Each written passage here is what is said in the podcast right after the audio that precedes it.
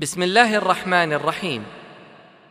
قرطبة للإنتاج الفني وتسجيلات الفجر الإسلامية بالكويت.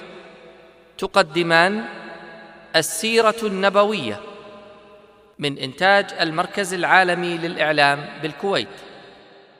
السيرة النبوية من إعداد وتقديم الدكتور طارق السويدان وفقه الله تعالى. ويحدثنا في الأسطوانة العشرين عن غزوة تبوك وما صاحبها من أحداث عظيمة وعام إسلام الوفود. فمع المادة. في هذه الفترة وصل رسول النبي صلى الله عليه وسلم إلى هرقل. هرقل أصلا عارف بالإسلام وعارف النبي صلى الله عليه وسلم وجايته الرسائل من قبل لكنه ما أسلم. فهنا يريد مزيد من التأكد لأن ما زال عنده شوي شيء من شك. فقال ائتوني. يقول لقومه لما جاءت الرسالة قرأها فأمسكها. قال للرسول ارجع تأتيكم رسالتنا. فقال ائتوني بفتى عربي على ديني يعني يكون واحد عربي نصراني. يكون فطنا واحد ولد شاب ذكي فطن عربي نصراني. فبحثوا له فجاءوه بشاب اسمه التنوخي. قال تعال أنا أريد أرسلك إلى محمد برسالة وأريدك تنتبه إلى علامات ابحث لي عن هذه العلامات. أريد ذكي حتى ما تفوتها العلامات. الرسالة اللي النبي صلى الله عليه وسلم وجهها إلى هرقل يقول فيها بعد السلام على من اتبع الهدى يقول له إني أدعوك إلى جنة عرضها السماوات والأرض. فإن لم تسلم فعليك إثم الأريسيين فلاحين قومه يعني. فهرقل كان من علماء النصارى أيضا ما كان فقط ملكا كان عالما كان من أحبارهم فيعرف الإنجيل ويعرف العلامات التي في التوراة والإنجيل. فقال للتنوخي انظر لي ثلاث علامات. أول علامة انظرني هل يذكر رسالته لي؟ الرسالة اللي أرسلها لي هل يذكرها؟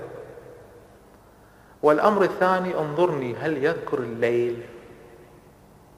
الليل هل يشير إلى الليل؟ والعلامة الثالثة انظر لي علامة في ظهره بين كتفيه. شوف لي في علامة على ظهره بين كتفيه. فخرج التنوخي معه رسالة هرقل إلى النبي صلى الله عليه وسلم. وصل التنوخي إلى تبوك استقبله النبي صلى الله عليه وسلم.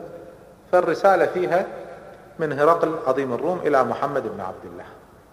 وسلم عليه ثم قال له دعوتني إلى جنة عرضها السماوات والأرض. فأين السماوات والأرض هذه؟ إذا الجنة عرضها السماوات والأرض. فأين النار؟ فالنبي صلى الله عليه وسلم لما قرأ الرسالة سأل التنوخي قال ما فعل هرقل برسالتي؟ هذه العلامة الأولى الآن تبينت. ذكر رسالته. قال أمسكها. فقال النبي صلى الله عليه وسلم أما كسرى فمزقها فمزق الله ملكه. وأما هرقل فأمسكها فأمسك الله ملكه. ولا يزال الناس يجدون بأسه ما دام في الحياة خيرا. ثم إن النبي صلى الله عليه وسلم قرأ الرسالة دعوتني إلى جنة عرضها السماوات والأرض فأين النار؟ فقال النبي صلى الله عليه وسلم سبحان الله أين الليل إذا جاء النهار؟ فإذا هي العلامة الثانية. الآن العلامة الثالثة صعبة أن يرى علامة على ظهر النبي صلى الله عليه وسلم بين كتفيه معناها لازم النبي صلى الله عليه وسلم يكون ما هو لابس؟ وهذا صعب. فظل التنوخي ما رجع؟ قال أذن لي أبقى. فبقي. قال أذن لي أبقى. فبقي. النبي صلى الله عليه وسلم خلال الفترة باستمرار يلتقي مع التنوخي يعرض عليه الإسلام يشرح الإسلام شاف فيه الذكاء والفطنة. ولد فعلا هكذا تبدو عليه علامات الذكاء والفطنة. فالنبي صلى الله عليه وسلم حرص عليه لذكائه وفطنته وفصاحته ولغته يعني شيء يسر. فالنبي صلى الله عليه وسلم حرص عليه حرص خاص ويستقبله ويجتمع معه ويعرض عليه بنفسه. ثم النبي صلى الله عليه وسلم بعد كم يوم عرض عليه الإسلام قال له يا تنوخي الإسلام ما يخفى على أحد أسلم. فقال التنوخي إنما أنا رجل من قومي إذا أسلموا أسلمت. فقال صلى الله عليه وسلم إنك لا تهدي من أحببت. كان حريص عليه ويبذل جهد خاص معه ما أسلم الهداية من عند الله عز وجل. حتى الرسول صلى الله عليه وسلم على عظمته وحسن دعوته ما استطاع يجعله يسلم. فهذا الأمر ليس بأيدينا بيد الله عز وجل. ظل التنوخي يحاول يشوف هالعلامة الثالثة. ما هو قادر. كيف يرى النبي صلى الله عليه وسلم وهو منزوع الملابس؟ فلما تأخر والنبي صلى الله عليه وسلم شعر أنه متأخر ناداه قال يا تنوخي تعال. فجاء. فالنبي صلى الله عليه وسلم أخذ الثوب اللي على ظهره ونزله قال انظر. جاي تشوف العلامة انظر. فرأى فإذا خاتم النبوة العلامة التي ذكرناها عدة مرات سابقا. فرآها التنوخي فرجع. أخبر هرقل بكل العلامات. هرقل الآن تأكد أن هذا نبي. خلاص. هذا هو كل العلامات التي يبحث عنها كلها موجودة. فجمع. قومه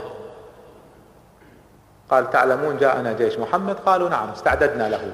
جيش الروم بدأ يستعد للخروج لقتال المسلمين في تبوك.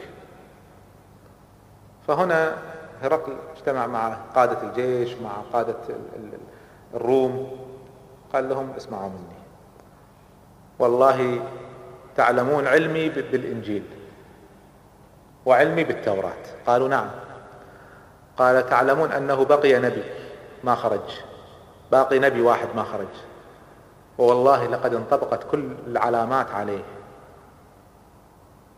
فإني أدعوكم أن تؤمنوا به. أسلم. فأبوا رفضوا الإسلام. قالوا لا ما نسلم. قال إذا أدعوكم إلى أمر ثاني. إذا ترفضون الإسلام هذا نبي ما أحد يستطيع أن يقاتله. فأدعوكم إلى أمر ثاني. قالوا ما هو؟ قال ندفع له الجزية. قالوا عيب نحن أعظم دولة في العالم ندفع الجزية؟ كيف؟ ماذا يقول عنا الناس؟ الناس تدفع لنا الجزية نحن ندفع الجزية لغيرنا؟ كيف؟ قال إذا أدعوكم لأمر ثالث. وليس عندي غيره. قالوا ما هو؟ قال لا تقاتلوه لا تقاتلوه والله يهزمكم. فقالوا أما هذه فنعم. يعني على الأقل نطيعك في هذه المسألة. فهنا صدرت الأوامر لجيش الروم بعدم الخروج. ظل النبي صلى الله عليه وسلم ينتظر ينتظر. الناس كلهم ينتظرون قدوم جيش الروم. جيش الروم رافض الخروج. لهذا السبب. هذا الذي دفع جيش الروم لعدم الخروج. فأرسل له قال له والله لو بقيت في مكانك سنة والله ما ما نخرج لك أنت ما نقاتلك النبي صلى الله عليه وسلم اكتفى بهذا الأمر بقي في تبوك بضعة عشر يوما. حتى سمع الناس كلهم أنه وصل إلى تبوك تبوك خاضعة للروم أصلا. وسيطر عليها واحتل المناطق التي حواليها وانتظر جيش الروم وجيش الروم رافض أن يقابله. فانتشر الخبر الخبر أن بنو الأصفر بني الأصفر خافوا من محمد. فاكتفى النبي صلى الله عليه وسلم بهذا وتحقق المطلوب أنه أرهب الروم وأسمع الناس بهذا الأمر فعندها أمر النبي صلى الله عليه وسلم بالرجوع. أمر بالرجوع إلى المدينة بعد ما حقق الهدف المقصود أن هذه الدعوة ليست فقط للعرب وإنما للروم وحقق الأمر بأنه رهبة المسلمين ومكانة المسلمين صارت من الدرجة حتى أن ملك الروم يخافه وهذا فيه معنى عظيم وهذا من أسباب مجيء الوفود. الناس لما شافوا أن الروم يخافونه عرفوا مكانة الإسلام ومكانة النبي صلى الله عليه وسلم. رجع النبي صلى الله عليه وسلم في الطريق حدثت عدة أشياء.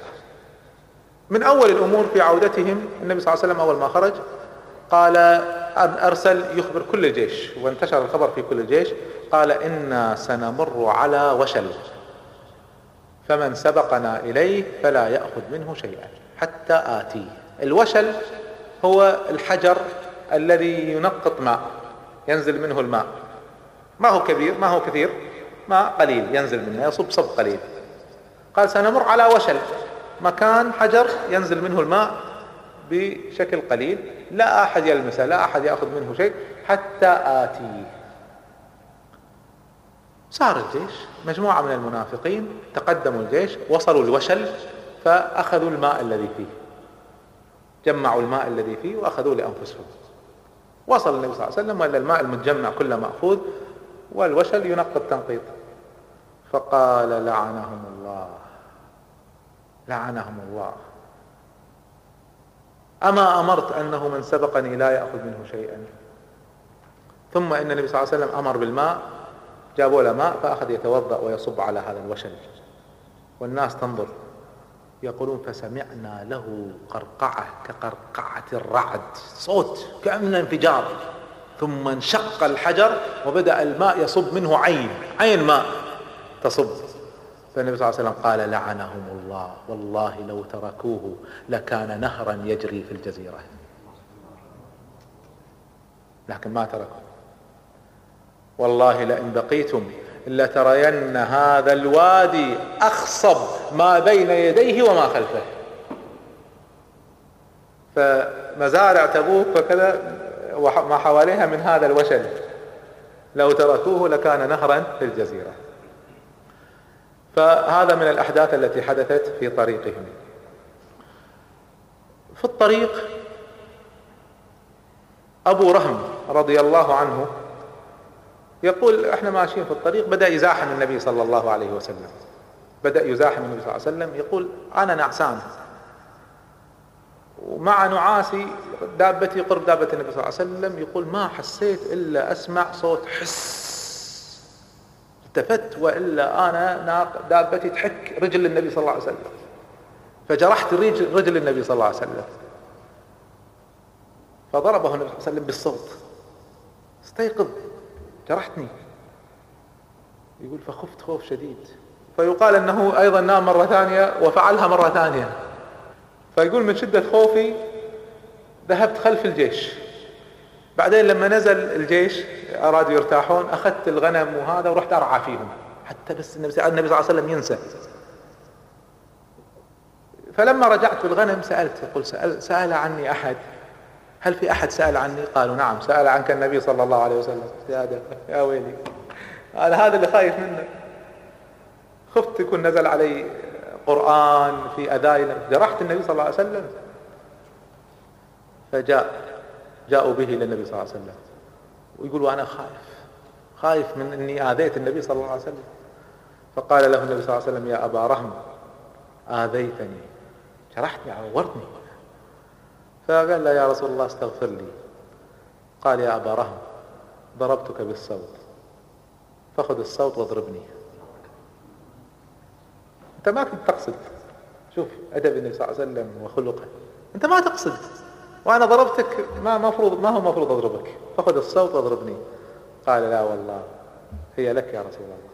فالنبي صلى الله عليه وسلم أمر أن يعطى شيء من المال وشيء من الغنمات. يقول فهذا أول مال أكتسبه. أول مرة يصير عندي شيء. يقول فما زلت أجد البركة في ذلك المال. ثم إن النبي صلى الله عليه وسلم قال يا أبا رهم من تخلف؟ فذكرت له كذا كذا. قال من تخلف من من قومك من غفار؟ فذكرت له. قال الطول في قوم طوال عندكم ما أراهم. قال تخلفوا يا رسول الله. قال وقوم قصر سمر. قال ما عندنا قوم قصر سمر. قال بلى عندكم قوم قصر شوف دقة النبي صلى الله عليه وسلم ثلاثين ألف. يتذكر هؤلاء ناس الآن تعرف عليهم. فقال هؤلاء القصر السمر معكم كانوا. أين هم؟ قال يا رسول الله هؤلاء ليسوا من غفار هؤلاء من أسلم من حلفائنا كانوا معنا. قال إيه؟ ثم إن النبي صلى الله عليه وسلم قال إن أعز أهلي أن يتخلفوا عني المهاجرين والأنصار وغفار وأسلم. هؤلاء أعز الناس يعني أثقل شيء على نفسي أن يتخلف هؤلاء لمكانتهم عندي. فالنبي صلى الله عليه وسلم كأنه يريد يوصل رسالة للذين تخلفوا أن أنتم مكانتكم أكبر من أن تتخلفوا. فيؤدبهم النبي صلى الله عليه وسلم يعلمهم من خلال مثل هذه الرسائل. صار الجيش يقول عبد الله بن مسعود رضي الله عنه يقول فنزلنا منزل في الليل بدأت أسمع صوت الحفر أسمع صوت حفر. يقول فقمت. رحت إيش الحفر هذا بنص الليل؟ إحنا في الطريق. فإذا قبر يحفر فإذا عبد الله ذو البجادين رضي الله عنه قد مات. والذي يدفنه الرسول صلى الله عليه وسلم وأبو بكر وعمر. إيش المكانه هذه؟ النبي صلى الله عليه وسلم في القبر والذي ينزل ذو البجادين أبو بكر وعمر. ويدفنه النبي صلى الله عليه وسلم بنفسه. ويقول صلى الله عليه وسلم يقول عبد الله بن مسعود فسمعت النبي صلى الله عليه وسلم يقول اللهم إني قد أمسيت راضيا عنه فارض عنه.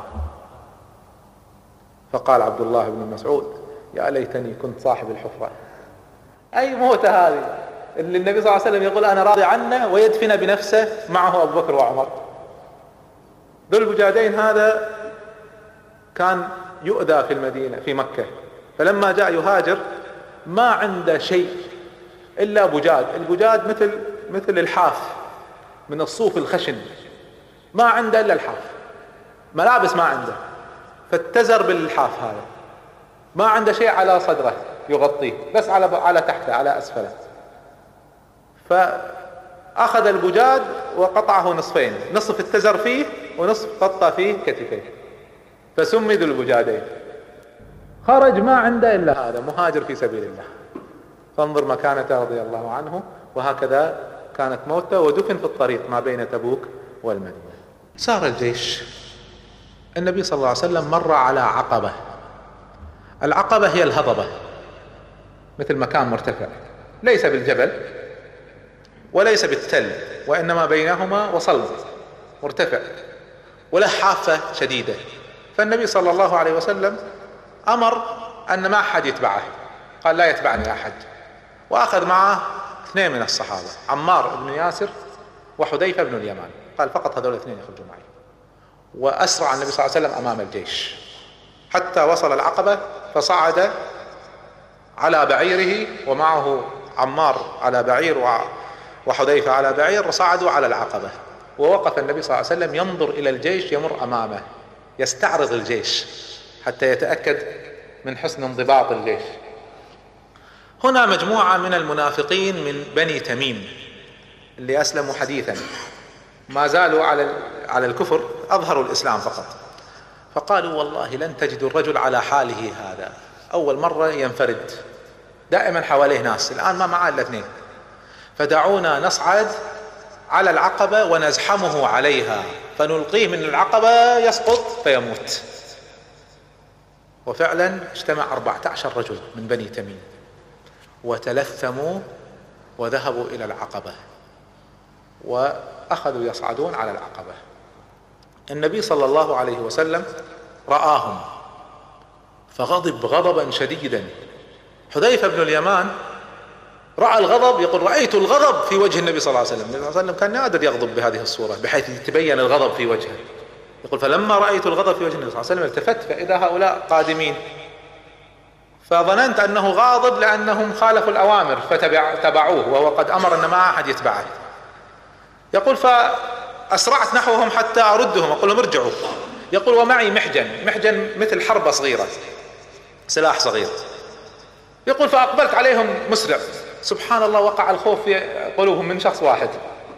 فلما رأوني مقبل من محجن هربوا فروا كلهم. فرجعت النبي صلى الله عليه وسلم. فقال يا حذيفة أتعلم ما أرادوا؟ فقلت لا.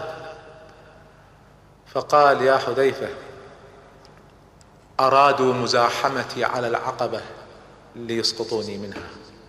أرادوا يقتلوني ثم إن حذيفة النبي صلى الله عليه وسلم قال يا حذيفة عرفتم من هم؟ عرفتموهم؟ قال لا ملثمين يا رسول الله. لكنهم من علامات خيولهم من بني تميم. من علامات إبلهم من بني تميم. فقال يا حذيفة هم فلان. وفلان وفلان عدهم كلهم. سمهم واحد واحد حذيفة فالنبي فحذيفة قال يا رسول الله أنرسل إلى عشائرهم أخبر عشائرهم تأتيني كل عشيرة برأس صاحبها؟ يقتلونهم؟ قال لا لا يتحدث الناس أن محمدا يقتل أصحابه. بعد ذلك عفى عنهم تركهم. لكن كان الناس إذا بعد وفاة النبي صلى الله عليه وسلم إذا جاءوا يصلون على جنازة وحذيفة حاضر ينتظرون إذا صلى حذيفة صلوا. إذا ما صلى حذيفة عرفوا أن هذا من المنافقين. النبي صلى الله عليه وسلم كان يعطي حذيفة هذه الأسرار يسمى كاتم سر النبي صلى الله عليه وسلم. هذه الحادثة ذكرت في القرآن حادثة العقبة هذه. ذكرت في القرآن في قوله تعالى يا أيها النبي جاهد الكفار والمنافقين واغلظ عليهم ومأواهم جهنم وبئس المصير. يحلفون بالله ما قالوا ولقد قالوا كلمة الكفر وكفروا بعد إسلامهم وهموا بما لم ينالوا. هموا بإسقاط النبي صلى الله عليه وسلم من العقبة ولم ينالوا ذلك. فهذه الآية نزلت فيهم إلى آخر الآيات. سار النبي صلى الله عليه وسلم إلى أن وصل إلى آخر منزل للجيش قبل وصولهم إلى المدينة. هنا أرسل النبي صلى الله عليه وسلم مالك ابن الدخشم ومعن ابن عدي اثنين من الأنصار من الصحابة الكرام رضي الله عنهم بمهمة غريبة جدا. أول مرة يفعلها النبي صلى الله عليه وسلم. أرسلهم قبله يسبقونه إلى المدينة ليحرقوا واحد من مساجد المدينة. هذا المسجد بناه المنافقون. المنافقون قبل تبوك بدأوا يتشاورون في أمرهم كيف نفعل؟ وأعدادهم كبيرة كانت في المدينة. أرسل لهم أبو عامر اللي يسمونه الراهب ويسمى الفاسق. ذكرنا قصة عدة مرات سابقا. هو الذي حفر الحفر في أحد. والحفرة التي سقط فيها النبي صلى الله عليه وسلم كانت من حفر أبي عامر هذا كان في الشام. فأرسل لهم أبو عامر قال لهم ابنوا مسجد. وأنا سأظهر, سأظهر الإسلام سآتي كأني مسلم ويكون هذا المسجد مكان لنا. منه ننشر أمرنا؟ فيريدون مركز مقر ينطلقون منه لأن العمل بدون مقر ما يكون له قيمة كبيرة. فرتبوا أمورهم ليبنوا هذا المسجد انتظارا لمجيء أبي عامر. وفعلا بني المسجد وانتهى بناء المسجد مع دخول غزوة تبوك. فأرسلوا للنبي صلى الله عليه وسلم قالوا يا رسول الله المسجد بني عندنا فنريدك أن تصلي فيه لتحدث البركة ويصلي الناس فيه. فقال لهم النبي صلى الله عليه وسلم الآن أنا مشغول في تبوك. لما أرجع يحدث الله أمرا. فخرج النبي صلى الله عليه وسلم ولم يصلي فيه. فجاءت جاء الوحي من الله عز وجل أن هذا مسجد ضرار ليس مسجد للتقوى وإنما مسجد للإفساد مسجد لمحاربة هذا الدين. فأرسل النبي صلى الله عليه وسلم مالك بن الدخشم ومعن بن عدي لإحراق مسجد الضرار. فعلا توجه الرجلان رضي الله عنهما سبق الجيش وصل المدينة طلق فورا لهذا المسجد وأشعلوا فيه النار. المنافقين يحاولون يوقفونهم قالوا هذه أوامر النبي صلى الله عليه وسلم. إن نحن نحرق هذا المسجد. وفعلا حرق هذا المسجد. يقول الله عز وجل عن هذا المسجد والذين اتخذوا مسجدا ضرارا وكفرا وتفريقا بين المؤمنين. هو شكل مسجد لكنه مكان إفساد لأنه ما بني على نية صالحة بني على نية سيئة. وارصادا يعني انتظارا لمن حارب الله ورسوله اللي هو من؟ أبو عامر. الفاسق. ولا يحلفن إن أردنا إلا الحسنى. سيحلفون ما أردنا إلا الخير. والله يشهد إنهم لكاذبون. هذه الشهادة من الله عز وجل. لا تقم فيه ابدا. لمسجد أسس على التقوى من أول يوم أحق أن تقوم فيه. مسجد قباء أولى من هذا المسجد. فيه رجال يحبون أن يتطهروا والله يحب المطهرين. أفمن أسس بنيانه على تقوى من الله ورضوان؟ خير. أم من أسس بنيانه على شفا جرف هار؟ شفا جبل من هار. فانهار به في نار جهنم. والله لا يهدي القوم الظالمين. لا يزال بنيانهم الذي بنوا ريبة في قلوبهم. إلا أن تقطع قلوبهم والله عليم حكيم. لاحظوا الآن كم موقف وراء موقف له علاقة بالمنافقين ها؟ فالآن كل التوجه الآن ضربات متتالية على المنافقين. وصل النبي صلى الله عليه وسلم كما ذكرنا في المنزل الأخير في هذا المنزل الأخير أيضا قبل المدينة حدث حادث صغير أيضا. مع صلاة الفجر افتقد الناس النبي صلى الله عليه وسلم. كان خرج لقضاء حاجة من مكان بعيد ما جاء. انتظروه ينتظرون الصلاة ينتظرون الصلاة. النبي صلى الله عليه وسلم ما جاء. كادت الشمس تطلع والنبي صلى الله عليه وسلم ما جاء فاحتاروا. هل نصلي من غير النبي صلى الله عليه وسلم؟ أم ننتظر وقد تخرج الشمس؟ وإذا خرجت الشمس خرج وقت الفجر. فقالوا لا إحنا الله سبحانه وتعالى افترض علينا أن نصلي الوقت صلاة الفجر في وقتها. ما يجوز ننتظر حتى تخرج الشمس. فقدموا عبد الرحمن بن عوف يصلي بهم. صلى عبد الرحمن بن عوف رضي الله عنه. الركعة الأولى في الركعة الثانية جاء النبي صلى الله عليه وسلم فأتم بعبد الرحمن بن عوف. لما انتهى من الصلاة سلم الناس التفتوا والنبي صلى الله عليه وسلم واقف يكمل ركعة. فخافوا قالوا إيش فعلنا؟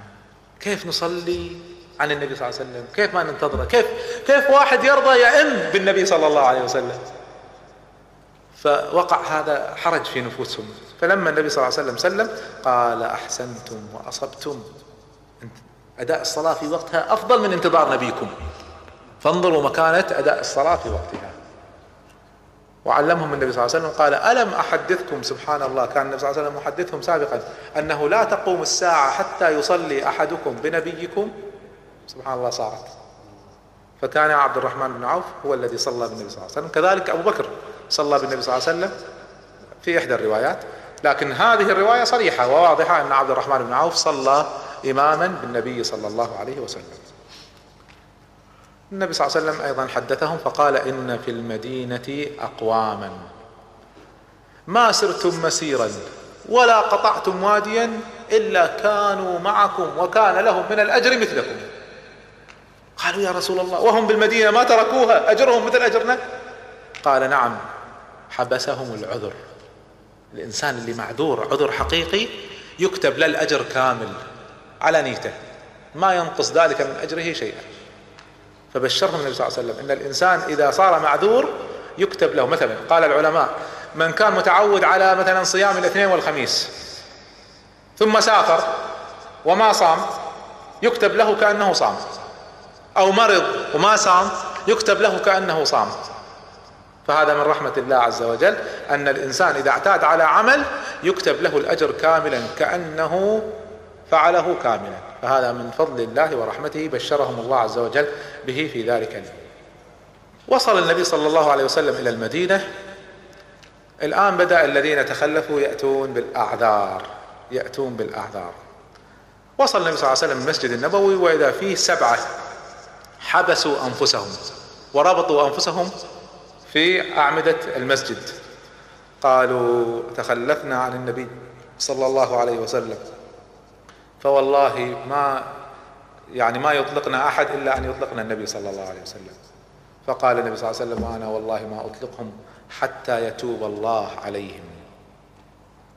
ففي هؤلاء الله سبحانه وتعالى نزل الآيات.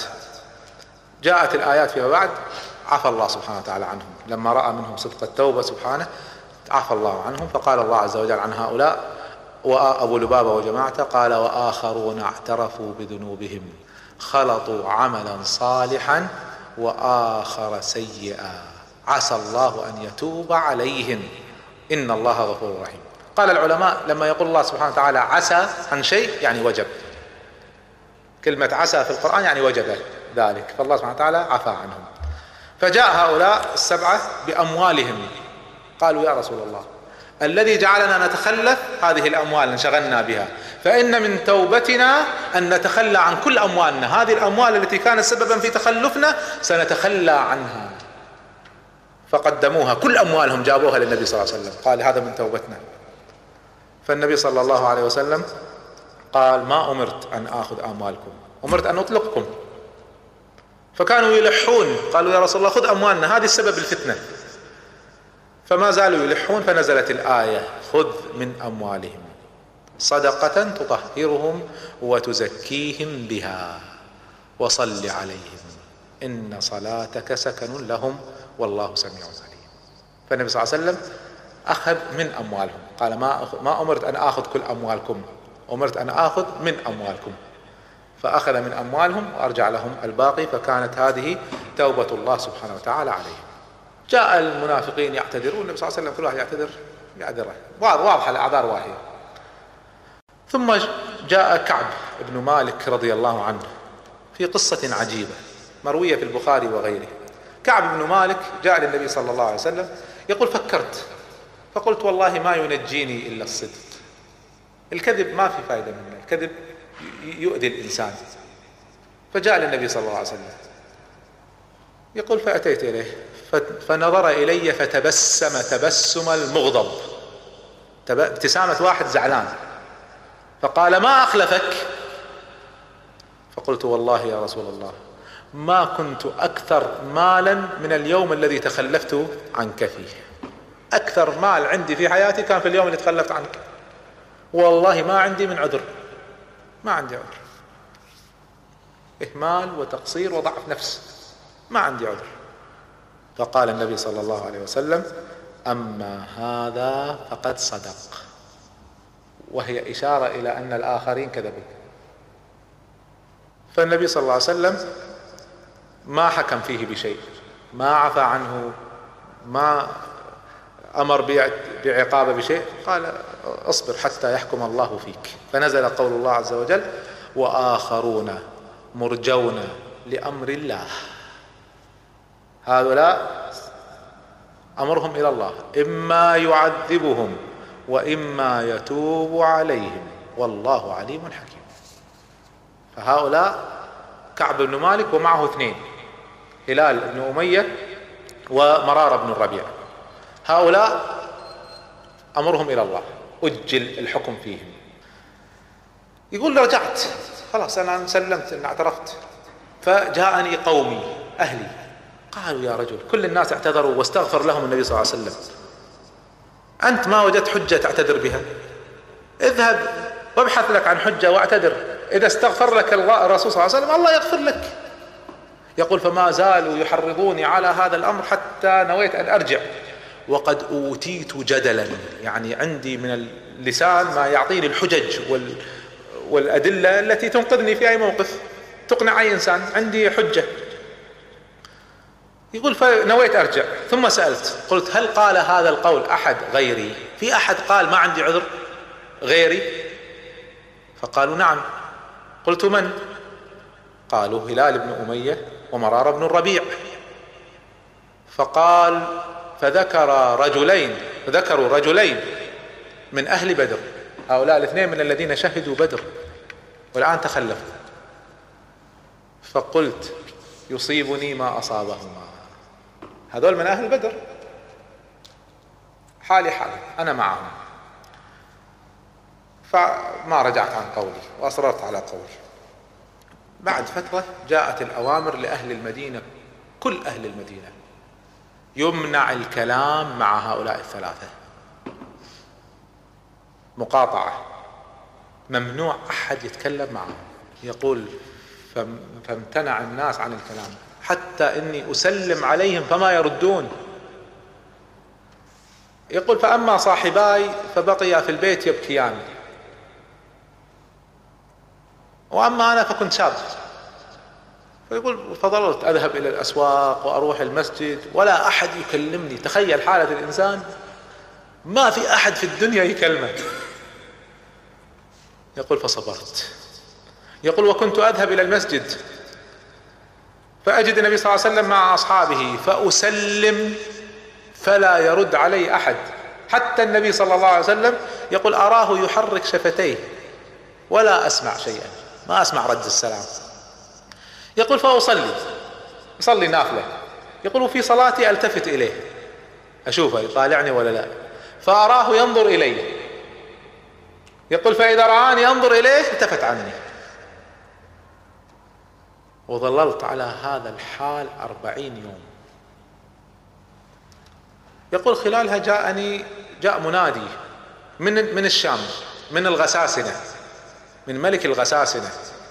أين كعب بن مالك؟ فأشار الناس إلي فجاءني قال هذه رسالة لك من فلان ملك الغساسنة. وإذا الرسالة وإذا فيها بلغنا بعد يعني ما ما مدح وذكر بخير قال بلغنا ما فعل صاحبك بك. إيش سوى فيك محمد؟ وأنت في قومك أعز وأكبر من أن يفعل بك ذلك. ولئن جئتنا لنكرمنك. الآن اختيار بين مدينة الكل يقاطع فيها الكل لا يتكلم فيها ومدينة ثانية الملك يدعوه للمجيء ليكرمه. شوف الاختبار. يقول فعلمت أن ذلك من الابتلاء. اختبار. يقول حتى لا يبقى في النفس شيء. يقول فأخذت هذه الرسالة ورميتها في التنور. حرقتها. وظللت على أمري. بعد أربعين يوم جاءني شخص مرسل من النبي صلى الله عليه وسلم. قال إن النبي صلى الله عليه وسلم يقول لك اعتزل أهلك. اعتزل زوجتك. فقلت أطلقها يعني هل الأمر أن أطلق زوجتي؟ كان ناوي يعمل أي شيء. مسلم أمره لله شوف الطاعة. فقال لا بل اعتزلها. يقول فأمرتها أن تذهب إلى بيت أهلها. فجاءني أهلها. قالوا إن هلال بن أمية مرار بن الربيع أبقوا زوجاتهم في بيوتهم واعتزلوهم. قال لا هؤلاء شيخين كبار في السن. أنا شاب ما يقول ماذا يقول عني الرسول صلى الله عليه وسلم؟ تذهب إلى بيت أهلها. فظل في البيت وحده. كانت زوجته هي الوحيدة اللي تكلمه لأن معه في البيت. الآن ما عنده حتى زوجة. يقول فوصل بي الحال أن ضاقت علي الدنيا وضاقت علي نفسي. ماني قادر حتى أتحمل نفسي. تخيل الآن وصل خمسين يوم الأمر. ما عندي أحد يكلمني ولا أكلمه. ترى المسألة شاقة جدا على النفس. خمسين يوم لا تكلم أحد. يقول بعد الخمسين يوم بينما أنا أصلي على سطح بيتي. وأنا في الحال التي وصفها الله سبحانه وتعالى في القرآن. إذ أسمع صوت صرخة أبشر يا كعب بن مالك أبشر يا كعب بن مالك يقول فخررت ساجدا. وإذ رجلين جايين واحد على فرس والثاني ماشي. جاءت الآيات بالتوبة علينا. فهؤلاء جايين يبشروني. فكل واحد يريد يسبق عشان يبشرني أول. فالذي ماشي شعر أن اللي راكب الفرس سيسبقه فصعد على تل وبدأ يصرخ حتى يوصل صوته قبل. يقول فأعطيته البشارة والله ما عندي إلا الثوب اللي علي ما عندي شيء. يقول فأعطيت الثوب اللي علي يقول تسلت ثوب من أهلي. سلت ثوب من أقاربي ولبسته وأعطيت الثوب اللي علي هذا بشارته. يقول فسرت نحو المسجد والناس مزدحمة علي. يقول هكذا من أخروني من الزحام. كل واحد جاي يبارك لي. مبارك عليك توبة الله. مبارك عليك التوبة يا كعب بن مالك. مبارك عليك التوبة. انظر المباركة على إيش؟ شيء غريب. يقول حتى وصلت المسجد ولا أكاد من شدة الزحام. من كثر الناس ما هي مزدحمة علي. ماني ماني قادر أوصل. يقول فدخلت المسجد فإذا النبي صلى الله عليه وسلم بين كبار الصحابة. يقول جالس فقط مع كبار الصحابة. يقول فسلمت فسلموا.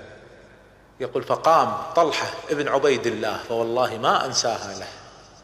شوف الإنسان اللي يشعر أن هذا قدر تقدير خاص وكانت له يعني اهتمام خاص ترى يترك أثر في النفس. يقول فقام ما قام غيره. يقول فوالله ما أنساها لطلحة. يقول فقام إلي فاعتنقني وهنأني بتوبة الله. ثم إن النبي صلى الله عليه وسلم قال أبشر يا كعب بن مالك أبشر بخير يوم مر عليك منذ ولدتك أمك. انظر لو ما تاب الله عليه على إيش؟ كل هذا الكلام وهذا الموقف وهذا الضيق وهذا المقاطعة على إيش؟ على التخلف عن الجهاد. حتى نعرف مكانة الجهاد في الإسلام. التخلف عن الجهاد ليس من الامر البسيط فتبين في هذا الموقف. أبشر بخير يوم ولا مر عليك منذ ولدتك أمك. فتاب الله سبحانه وتعالى على كعب بن مالك وأصحابه بالتوبة التي ذكرت في القرآن الكريم. يقول الله عز وجل لقد تاب الله على النبي والمهاجرين والأنصار الذين اتبعوه في ساعة العسرة. غزوة تبوك. من بعد ما كاد يزيغ قلوب فريق منهم ثم تاب عليهم. إنه بهم رؤوف رحيم. وعلى الثلاثة الذين خلفوا. كعب بن مالك هلال بن أمية مرار بن الربيع حتى إذا ضاقت عليهم الأرض بما رحبت وضاقت عليهم أنفسهم وظنوا أن لا ملجأ من الله إلا إليه ثم تاب عليهم ليتوبوا. إن الله هو التواب الرحيم. فهكذا كانت قصة الثلاثة الذين خلفوا وهكذا تاب الله سبحانه وتعالى عليهم. النبي صلى الله عليه وسلم خلال هذه الفترة بعد عودته من غزوة تبوك لما تبين موقف المنافقين في كل هذه الأحداث النبي صلى الله عليه وسلم الآن أراد أن يضرب المنافقين ضربة قاصمة. فجمع الناس في المسجد. اجتمع الناس أكثر الناس جاءوا اللي وصلهم الخبر جاءوا. فكان أعداد كبيرة من المنافقين جاءت تريد تعرف إيش صاير. فخطب النبي صلى الله عليه وسلم خطبة هي من أغرب خطبة في كل حياته صلى الله عليه وسلم. فبعدما أثنى على الله سبحانه وتعالى وحمد الله وصلى على نفسه صلى الله عليه وسلم قال أيها الناس إن فيكم منافقين. الجالسين فيهم منافقين.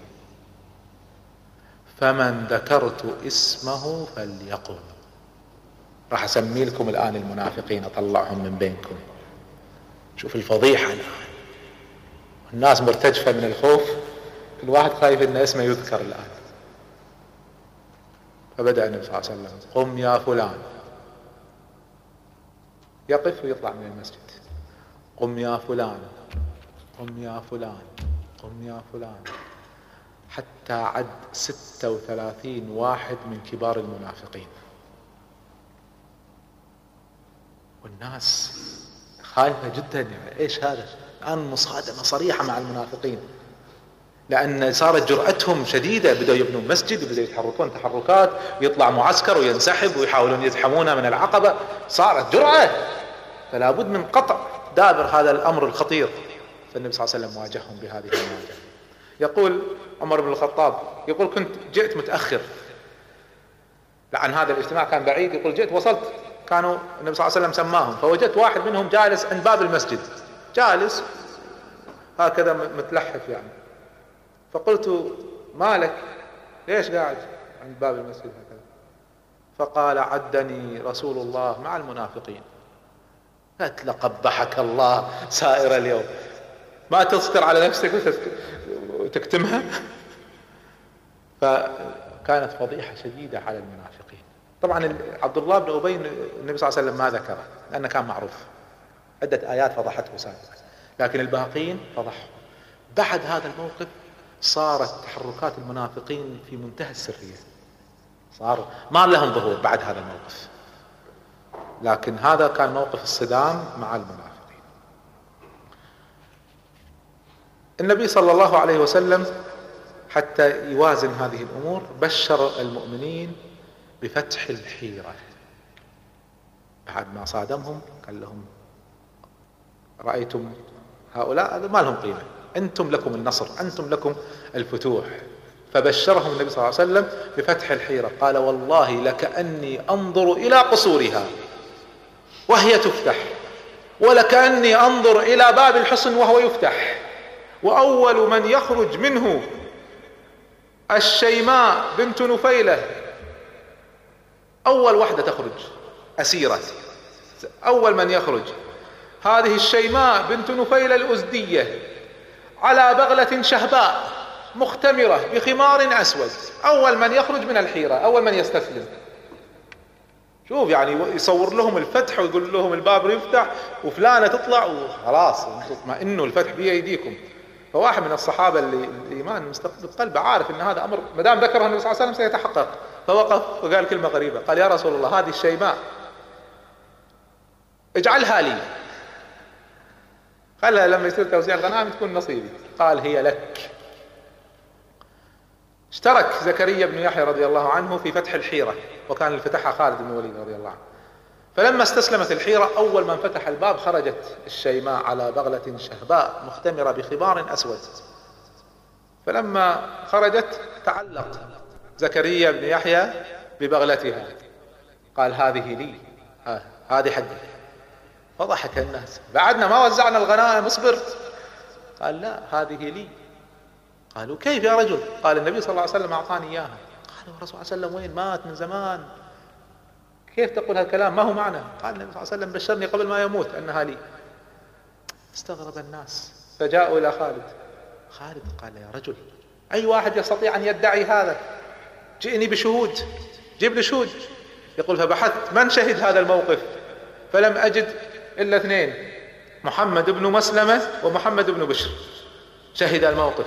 فجاءوا لخالد قالوا نعم نشهد أن النبي صلى الله عليه وسلم أعطاه إياها. قال خذها هي لك. فاستسلمت الحيرة خرج عبد المسيح ابن نفيلة أخو الشيماء. فجاء. الآن عبد المسيح استسلم بالصلح. هذه أخذت سبية فيريد يرجع أخته. فجاء لزكريا بن يحيى. قال يا زكريا أرجع لي أختي. قال لا. قال أدفع لك ما تشاء. قال والله ما أعطيك إياها حتى تدفع لي عشرمائة درهم. عشرمائة درهم ألف درهم مبلغ زهيد. فقال عبد المسيح استغرب قال هذه ألف درهم خذها. فأطلق أخته فالناس جاءوا يعاتبون زكريا قالوا يا رجل كيف أطلقتها بألف درهم؟ والله لو طلبت مئة ألف لا أعطاك. قال سبحان الله وهل في الأرقام أكثر من عشرمائة هذا حدك عشرمائة آخر شيء. انظر البساطة. هؤلاء ناس لا يعرفون حساب ما عندهم تكنولوجيا ما عندهم. لكن الإيمان الذي استقر في النفوس والجهد البشري الذي متاح. بذلوا ما يستطيعون. فبالإيمان وبالجهد المتاح فتحوا الدنيا. ولا هؤلاء عندهم الألوف المؤلفة من الأموال والعتاد والقوة ما استطاعوا يقفوا أمام المسلمين. فالمسألة هي بالصدق مع الله عز وجل إن تنصروا الله ينصركم. فتبدى في هذا الموقف. يتعلم المسلمون من هذا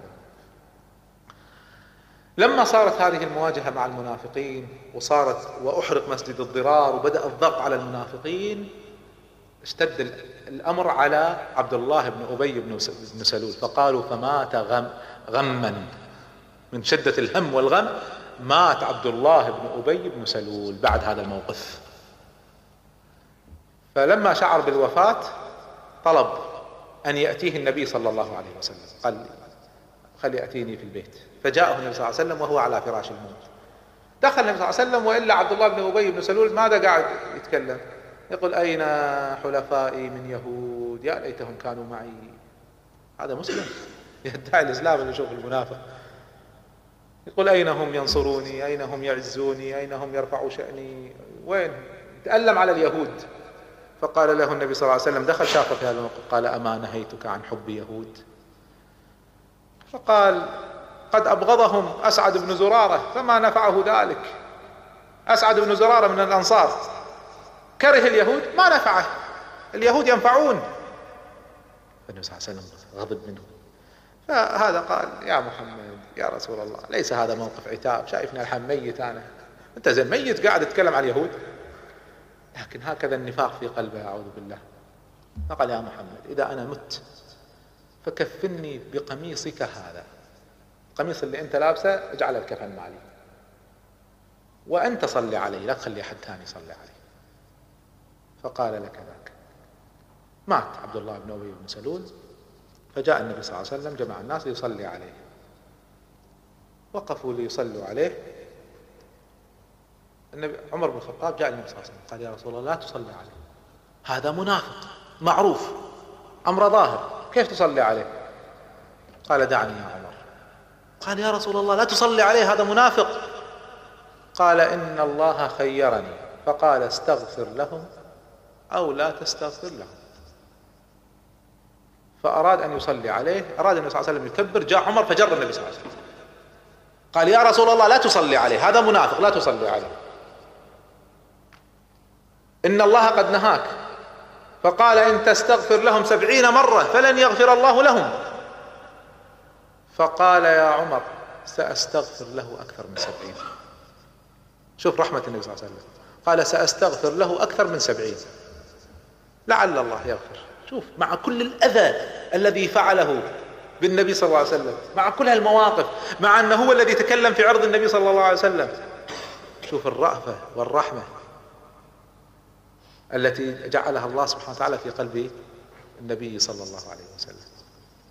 فصلى النبي صلى الله عليه وسلم ودفن عبد الله بن أبي بن سلول ونزلت الآيات نزلت الآيات تؤيد موقف عمر بن الخطاب رضي الله عنه. يقول الله عز وجل استغفر لهم أو لا تستغفر لهم إن تستغفر لهم سبعين مرة فلن يغفر الله لهم. ذلك بأنهم كفروا بالله ورسوله. والله لا يهدي القوم الفاسقين. ولا تصل على أحد منهم مات أبدا. ولا تقم على قبره. إنهم كفروا بالله ورسوله وماتوا وهم فاسقون. ولا تعجبك أموالهم وأولادهم. إنما يريد الله أن يعذبهم بها في الدنيا وتزهق أنفسهم وهم كافرون. فكان تأييد لموقف عمر بن الخطاب أن هذا لا يصلى عليه. يقول عمر بن الخطاب يقول كل هذا ما تعجبت منه وإنما تعجبت من جرأتي على النبي صلى الله عليه وسلم. كيف جررته؟ كيف كنت جريء إلى هذه الدرجة أني أجر الرسول؟ يقول تعجبت من جرأتي عليه. لكن كأن الله سبحانه وتعالى يريد شيئا. انتهت غزوة تبوك. وجاء بعد ذلك في نهاية هذا العام التاسع جاء موسم الحج. فأرسل النبي صلى الله عليه وسلم أبا بكر الصديق أميرا على الحج. خرج أبو بكر الصديق للحج وخرج معه أعداد غير كبيرة من الناس. في الطريق بينما أبو بكر الصديق في الطريق نزلت سورة التوبة على النبي صلى الله عليه وسلم ونزلت ليست كل السورة وإنما بعض الآيات المتعلقة بما فيه علاقة بالحج. نزلت بسرعة لتعطي بعض الأحكام الرئيسية المطلوب تبليغها في الحج. ولذلك يقول العلماء من سرعة نزولها لم يأتي بها البسملة. وقيل أن البسملة ليست فيها لأن فيها مفاصلة وشدة مع الكفار فليس فيها رحمة. ليس فيها رحمة على الكفار والبسملة فيها الرحمة. بسم الله الرحمن الرحيم. وهذا موقف لا تنبغي فيه الرحمة. فلما نزلت هذه الآيات قال النبي صلى الله عليه وسلم والله ما يبلغها إلا رجل من أهلي. فأمر علي بن أبي طالب قال اذهب وبلغ هذه الآيات. وأعطاه مجموعة من الأحكام المبنية على هذه الآيات يبلغها. فخرج علي بن أبي طالب رضي الله عنه فأدرك أبا بكر في الطريق وجده في الطريق. فقال له أبو بكر أأمير أم مأمور؟ قال بل مأمور. يعني أنت جاي أمير على الحج ولا مأمور؟ قال مأمور لكن عندي آيات وأحكام أبلغها. فكان أبو بكر الصديق كلما اجتمع الناس أمر علي بن أبي طالب أن يبلغ. ولما خطب أبو بكر الصديق خطبة الحج في عرفة بعد ما انتهى قال قم يا علي. فقام علي وبلغ رضي الله عنه. ثم قال علي فبلغني أن بعض الناس ما وصلهم. يعني لم يحضروا الخطبة. يقول فكنت أمشي فيها بين الناس وأرفع بها صوتي. يقول فظللت أبلغها حتى بح صوتي. الآيات التي بلغها هي مقدمات سورة التوبة. براءة من الله ورسوله إلى الذين عاهدتم من المشركين. الآن هؤلاء المشركين اللي ما اللي اللي في ديار الإسلام. في براءة.